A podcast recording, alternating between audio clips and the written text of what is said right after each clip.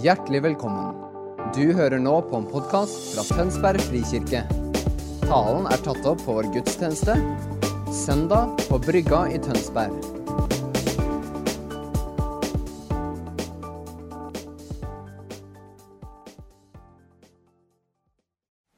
Da lander vi akkurat der dere, som, eh, som vi skal være denne formiddagen i talen også.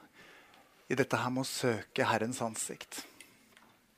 Det er en rød tråd gjennom hele Bibelen hvor Herren sier 'søk mitt ansikt'. Og det er ikke fordi han er eh, hva skal jeg si, har behov for oppmerksomhet. Men det er fordi at vi har behov for hans oppmerksomhet.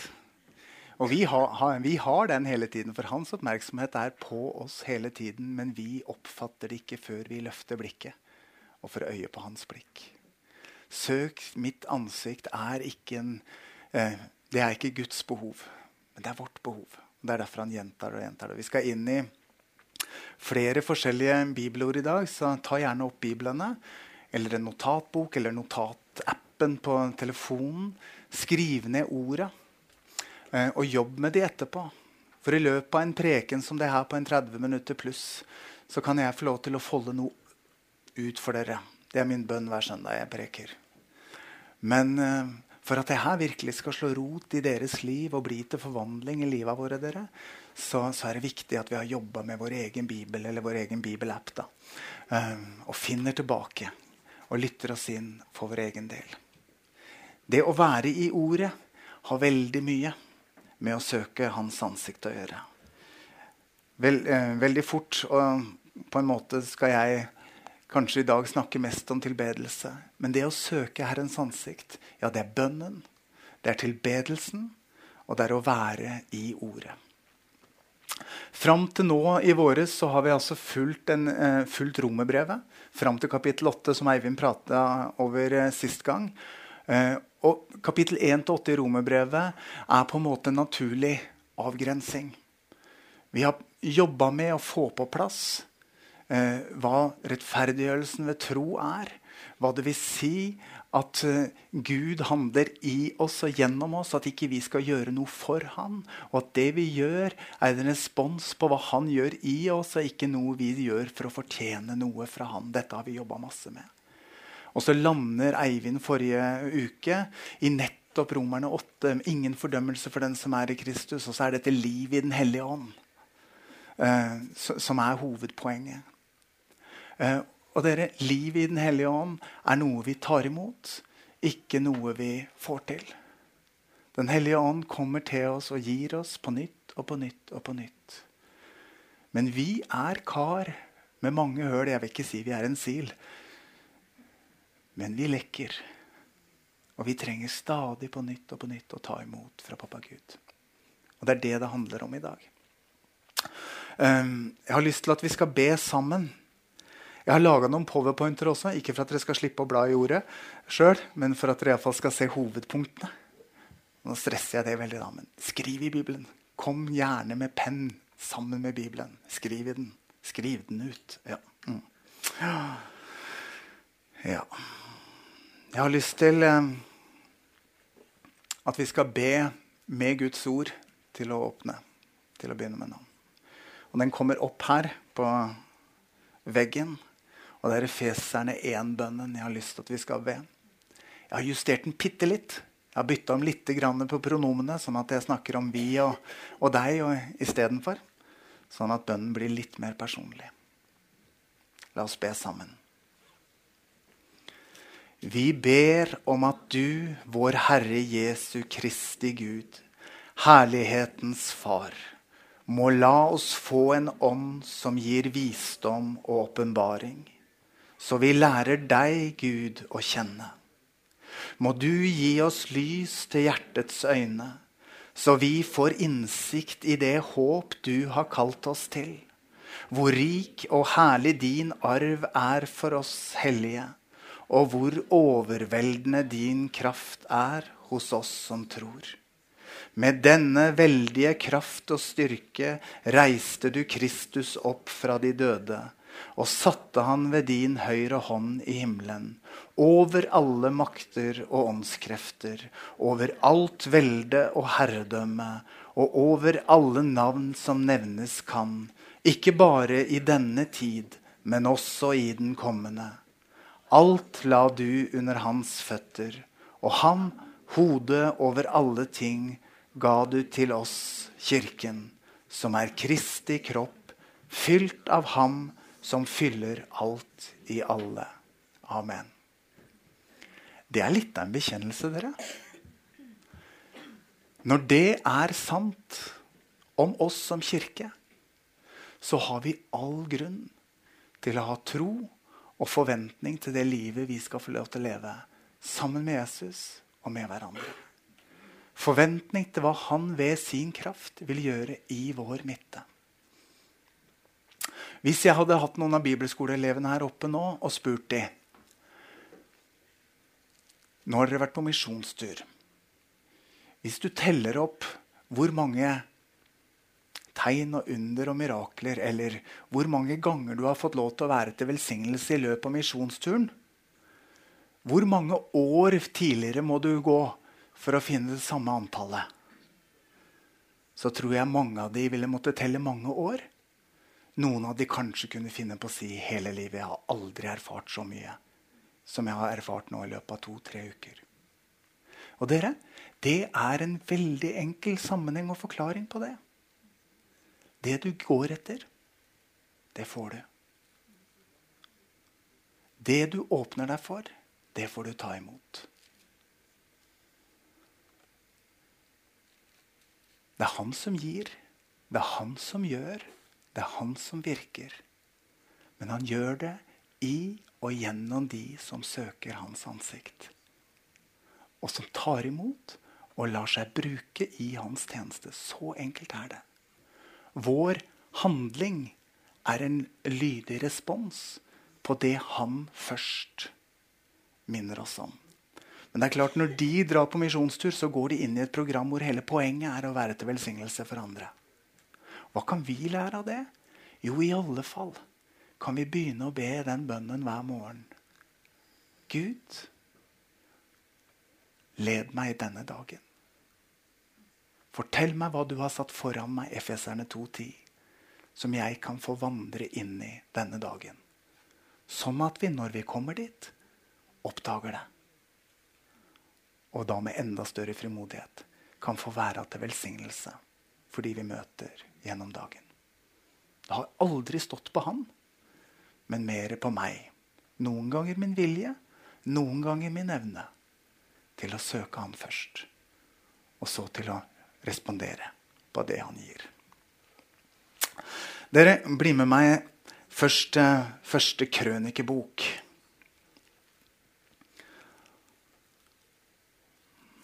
Kapittel 22. skal vi lese litt sammen.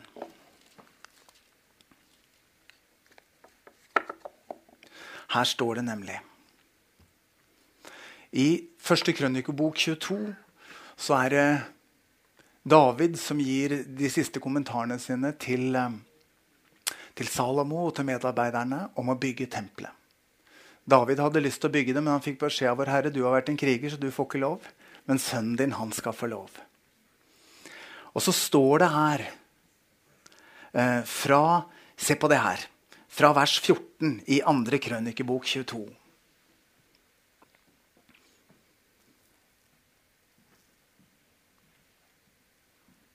Se, med strev har jeg skaffet til veie for Herren, Herrens hus 100 000 talenter gull og en million talenter sølv, dessuten bronse og jern i store mengder så det ikke kan veies. Tre og stein har jeg også skaffet, og du skal selv legge mer til. Til din rådighet har du tallrike arbeidere. Steinhoggere, murere, tømmere, dyktige folk av alt slags arbeid. På gull, sølv, bronse og jern er det ingen begrensning. Gå til verket. Måtte Herren være med deg. David påla alle lederne i Israel å hjelpe Salomo, sønnen hans. Herren deres Gud er med dere og har gitt dere fred på alle kanter. Han har gitt dem som bodde i landet, i mine hender, og landet er lagt under Herren og hans folk. Og så kommer vers 19. Overgi nå hjerte og sinn til å søke Herren deres Gud. Gå i gang med å eh, bygge helligdommen for Herrens hus. så dere kan føre Herrens paktkiste og det hellige utstyret inn i huset som skal bygges for Herrens navn. Jeg liker dette avsnittet dere, fordi um, det er så deilig når, når uh, vi her får et helt konkret bygningsprosjekt foran oss som en åndelig tjeneste. Murere, tømrere, og alle sammen får arbeidsbeskrivelsen.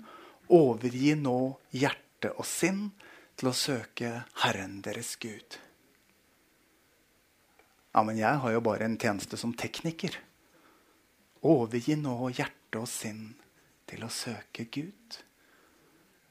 Ja, men jeg har jo en vertskapstjeneste. Jeg bare hilser på folk. Overgi nå hjerte og sinn til å søke Gud. Vi tenker at det er helt opplagt at det må pastor gjøre og eldsteråd gjøre. Og de som driver med bønn og tilbedelse med dere. Alle, alle, alle må vi gjøre det. Og vi må slutte å skille mellom åndelige og praktiske tjenester. For alt arbeid i Guds hus er en åndelig tjeneste. Alt arbeid. Når tømrerne måtte søke Herren sin Gud av hele sitt hjerte i den gamle pakt, for å skulle bygge huset rent fysisk. Hvor mye mer skal ikke vi se at uansett hva som er vår tjeneste, vår gaveutrustning og våre anlegg, så må vi overgi hjerte og sjel og sinn til å søke Gud. Fordi vi kjenner han ikke helt. Vi kjenner han litt, og stadig mer. Og stadig mer for hver dag som går. Men hver gang jeg tror jeg har skjønt Gud, så vil han overraske meg med å vise meg noe nytt av seg selv som jeg ikke hadde skjønt, og så er vi på'n igjen. Det er livet igjennom. Så de av oss som tenker at nå har jeg skjønt Gud, beklager. Du har i beste fall gått inn på en holdeplass og dratt på brekket. Ta det ned igjen og kjøre ut. Det er mer å se, og det er mer å oppdage. Ok. Det var bare en sidebemerkning. Side og så bli med meg til andre Mosebok, kapittel 33. dere. Her har, eh, i, i, kapittel 32 i andre Mosebok så, så har Aron laga gullkalven. Eh, Moses har vært oppe på fjellet og fått tavlene, som han altså kommer ned. Og når han kommer ned, så danser folket rundt kalven. Og Aron har unnskyldt seg med bare å si at ja, det var folk som ba om det. Så da måtte vel bare jeg som presten danse og lage avguden for dem. Det er mange av oss prester og pastorer som tenker det. Ja, men de sa det i menigheten, så jeg måtte bare gjøre det. Ja, det er faktisk ikke prestens jobb det, å høre mest på folka. Mest på ordet, mest på ånden, og dernest elske folka. Ja, så blir han sendt opp på fjellet igjen. Vår Herre. Til vår Herre. Bare Moses. For folket tørte ikke. De ville ikke engang.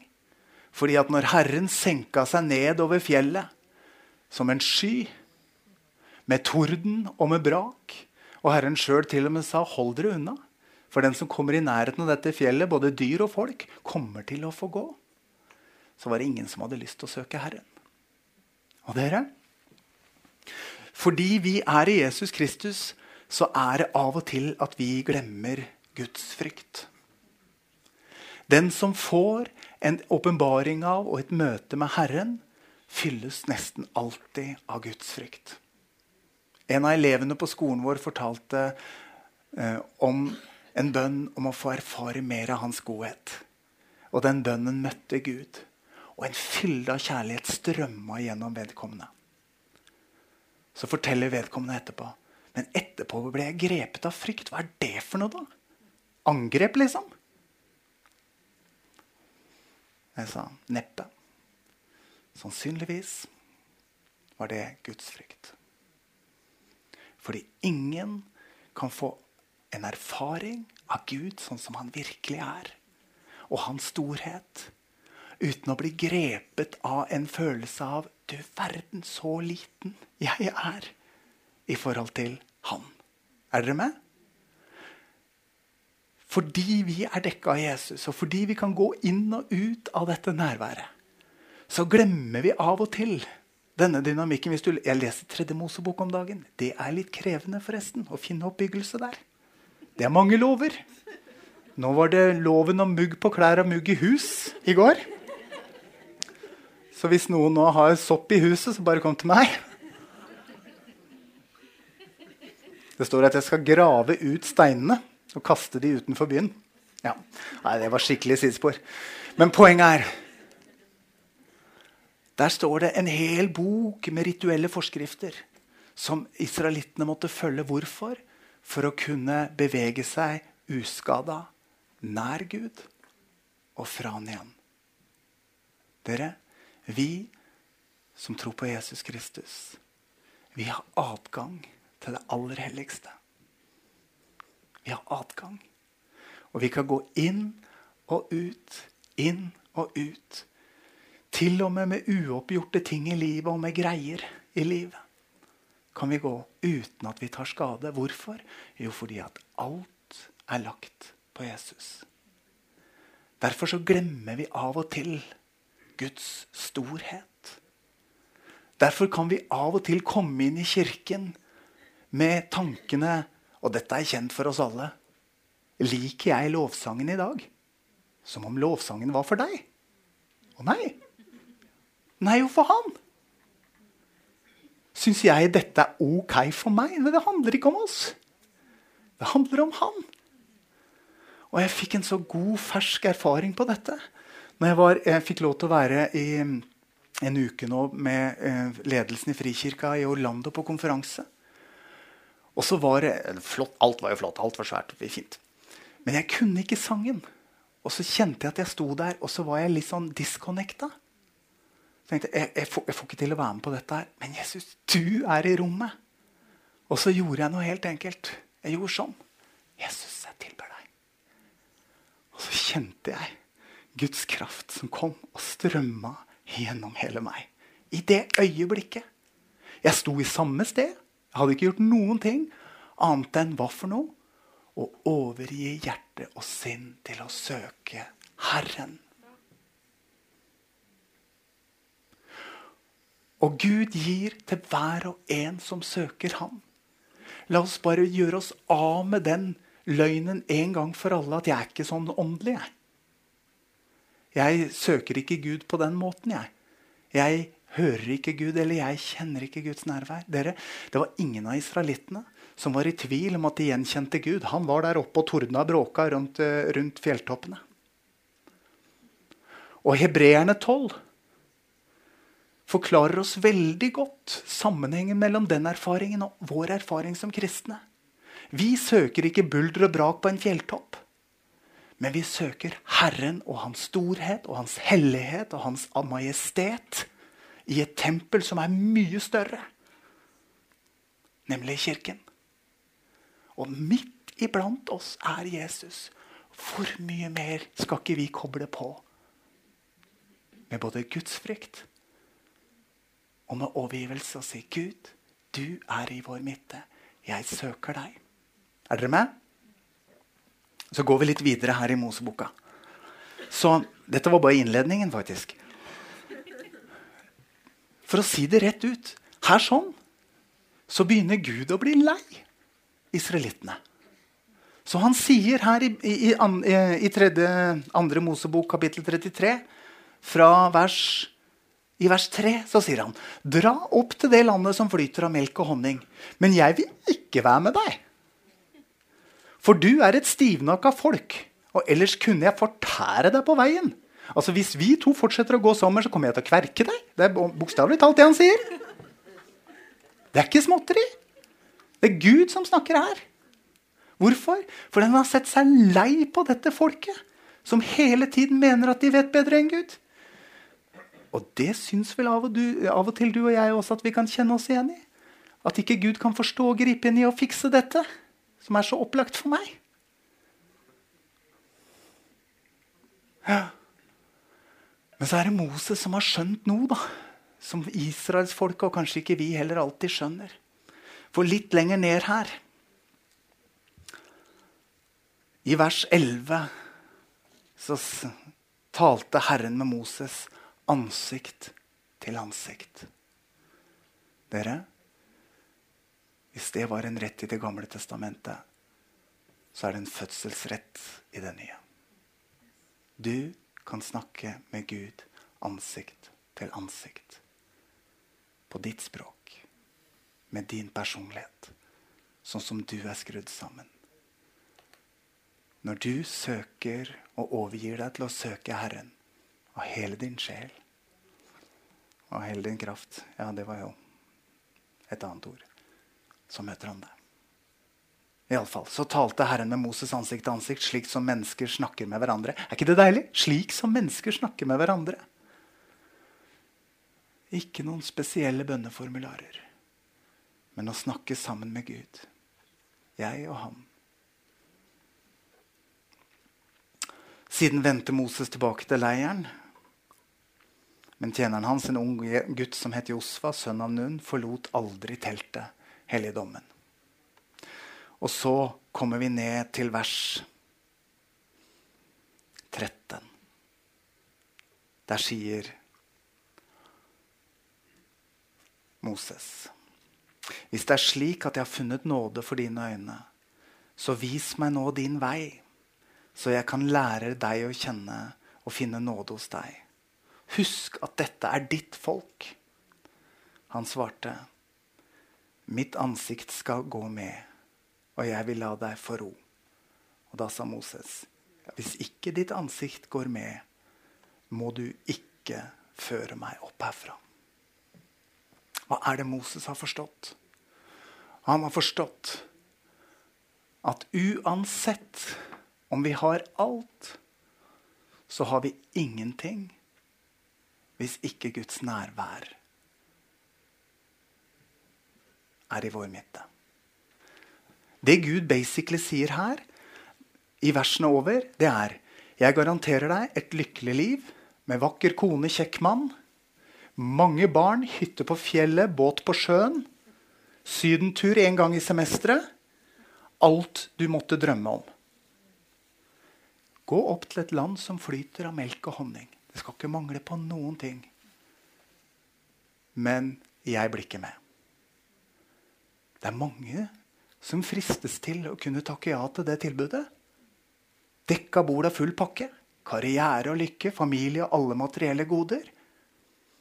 Dere, når jeg var på konferansen nå, der borte, så fortalte de at i Amerika hadde de gjort en undersøkelse som viser at veldig høy prosent av kristne i Amerika lever med et helt sekulært verdensbilde. Hva betyr det? Jo, det, betyr at de lever i en verden hvor Gud ikke er sentrum. Han er i beste fall en liten sektor. Ettersom jeg velger å gi den sektoren tid og rom i mitt liv. Dere, Det er et sekulært verdensbilde. Så det betyr at mange kristne i Amerika lever som om de er ikke-kristne. Selv om de tror. Og jeg, Der tror jeg ikke vi er kanskje helt vesentlig ulike. Amerikanerne, vi nordmenn heller. Dere, Gud Og det er det jeg ønsker at vi skal løfte opp. Hvorfor er bønn og tilbedelse og ordet viktig? Fordi at vi lever som Jesus etterfølgere. Han er veien og sannheten og livet. Det er i Jesus vi lever, rører oss og er til. Og det er Jesus som sier til oss Uten meg kan dere ingenting gjøre. Bli i meg, for uten meg kan dere ingenting gjøre. Hvis vi i praksis i livet vårt har innordna livet sånn at Jesus har fått en liten plass, men alt det andre lever vi mer eller mindre uten han. Så lever vi som hedninger, selv om vi tror. Og det er inni det Herren sier, for han fordømmer ingen. Dersom dere ydmyker dere og ber, vender om Andre krøniker 7,14, sant? dette ordet vi har vært med i. Så vil jeg lege landet. Dere, starter med deg og meg og våre liv. Og at vi faktisk tar imot invitasjonen fra Herren. Lengter du etter å erfare mer med Gud? Søk Hans ansikt. Når jeg av og til har sjelesorgsamtaler, og vi kommer inn på at det er vanskelig å høre Guds stemme, så hender det jeg spør Leser du ofte i Bibelen? Nei, ikke så ofte. Ja, hvor ofte da?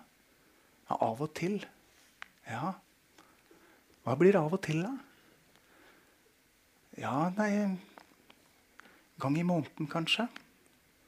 Når leste du sist, da? Nei, det husker jeg ikke. Og dere ønsker ikke å henge ut noen. Men dere, hvis du lengter etter å høre Guds stemme, så les ordet hans. Her taler han. Og har du lært ABC, så hører du stemmen hans her. Det er ikke vanskeligere enn det. Det er faktisk ikke vanskeligere enn det. Og dette ordet er et levende tveegga sverd som kløyver mark og bein, sjel og ånd. Betyr det fins ikke noe du er lagd av som ikke dette ordet kan trenge gjennom. Er ikke det fint? Så med ordet i bunn og med tilbedelsen som en vilje til å søke hans ansikt, så er det ingen av oss som går tomhendte bort. Vi lever i en virkelighet, dere, i en kultur som, som langt på vei er forma av den låta som herja radioen for noen år sia. 'What's in it for me'? Hva? Så vi nærmer oss menighetsliv med utgangspunktet 'What's in it for me'? Vi nærmer oss relasjoner med utgangspunkt i 'What's in it for me'? Og til og med tilbedelsen med 'What's in it for me'? Kjennes det bra for meg? Så er det Gud som sier det er fint hvis du trives i menigheten din. Det er fint hvis du får gåsehud og gode følelser i lovsangen. Men det er ikke det det handler om. Tilbedelsen er ikke for at du og jeg skal få gode følelser på innsida. Den er til for å gi Han ære. Vi er skapt til å gi Han ære. Med ånd og sjel og legeme. Nei, det passer ikke for meg, sier noen. Men dere, jeg, jeg er veldig lite interessert i fotball. Men gutta mine var så de tok meg med på, på Skagerrak stadion når vi bodde i Grenland og så på Odd Grenland. Der så jeg tilbedelse med Om ikke det var ånd, så var det i hvert fall sjel og kropp. Det var kroppsuttrykk. Og hvor mange av oss har ikke vært på en konsert med et band vi digger? Og plutselig så står vi der med Til og med jeg kan liksom begynne å bevege meg da. Ja, mens når vi kommer til lovsangen, da blir vi så forknytt og begrensa. Hør hva Magnus, nei, Peter Halldorf sier. Uh, dette, dette, er bra. Skal vi se. Det blir enda bedre når dere får se det. Gå til, gå til bilde mm, nummer åtte. Hør her. Å knele når man ber eller å løfte hendene er ikke et hjelpemiddel for bønnen. De bøyde knærne og de løftede hendene er bønn. Vi må slutte å skille mellom det åndelige innvendig, nå ber jeg til Gud, og kroppen. Vi kan be i hele vår trefold av ånd, sjel og legeme. Og Noen ganger er sjela vår sliten. dere. Da er det fint å med, tilbe med kroppen. I mine dødsskyggens dal-perioder så har ikke jeg hatt mange gode ord. Men jeg har vært i bønnerommet hver morgen likevel. På kne eller med løfta hender. Fordi at Gud er min Gud. Og alt makter jeg i Han som gjør meg sterk. Og ingenting er umulig for Han som er min Gud. Er dere med? Det er tilbedelse. Fattig som bare det. Med ord, men med kropp. Det jeg prøver å gjøre for dere, er bare å male ut et videre landskap. Et større bilde av hva tilbedelse er. Det handler djupest sett om at vi med vår tanke, med vår vilje og med vår følelse, med det vi er og med det vi har, med orda våre, med kroppen vår, med sangen vår, at vi gir Han ære. At vi tilber Jesus. For dere, hvis ikke vi tilber Jesus hver dag, så vil det vi gjør hver dag, prege oss mer enn tilbedelsen av Jesus. Tenk over hva du gjør hver dag. Og vit at det former livet ditt markant. Facebook.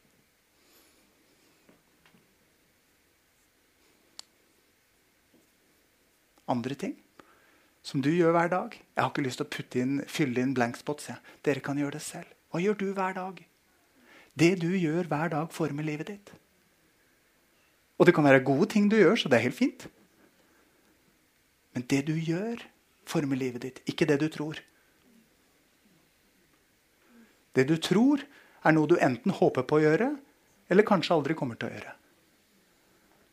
Men det du gjør, er det du i virkeligheten tror på. Så hvis du tror at Jesus er din herre og mester, så gjør du klokt i å sette av tid til å tilbe ham hver dag.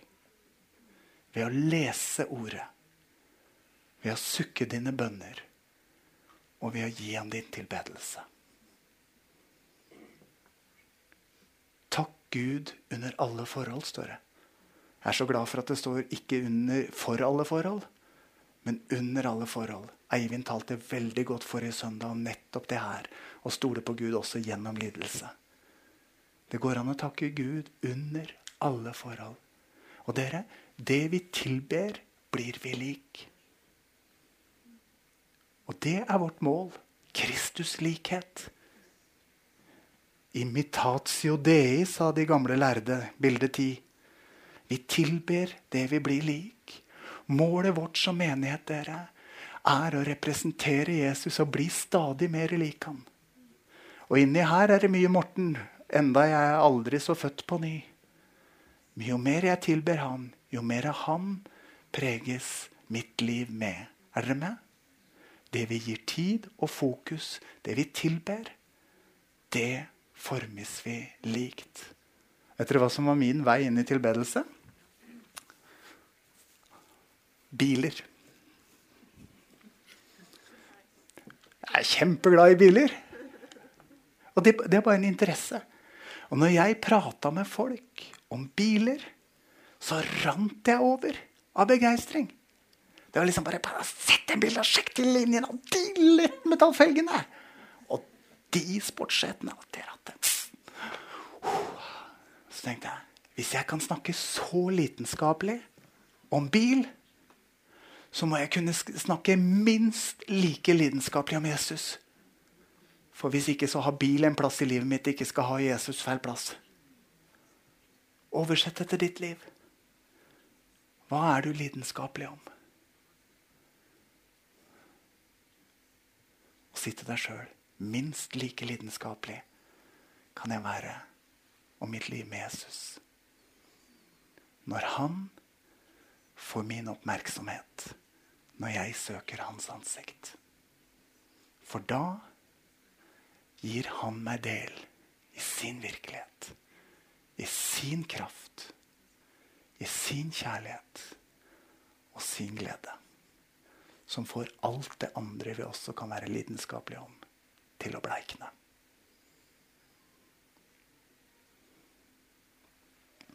Vi ber sammen. Herre Jesus.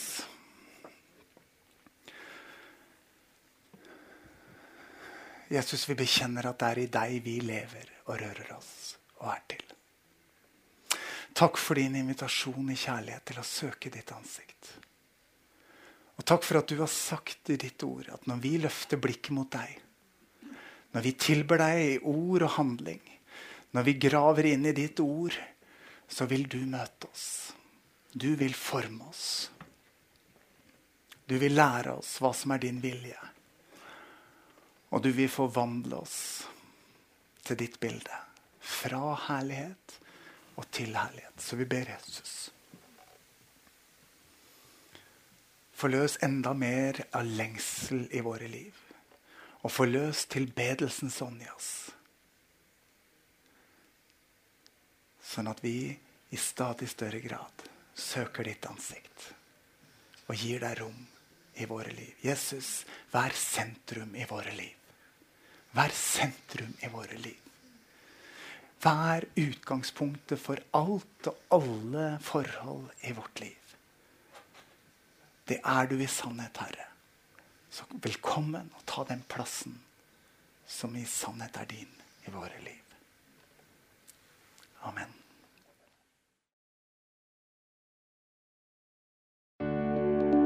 Takk for at du hørte på vår podkast. Har du spørsmål eller ønsker du å vite mer? Søk oss på vår nettside tonsbergfrikirke.no. Du er også velkommen til kirke på Brygga i Tønsberg.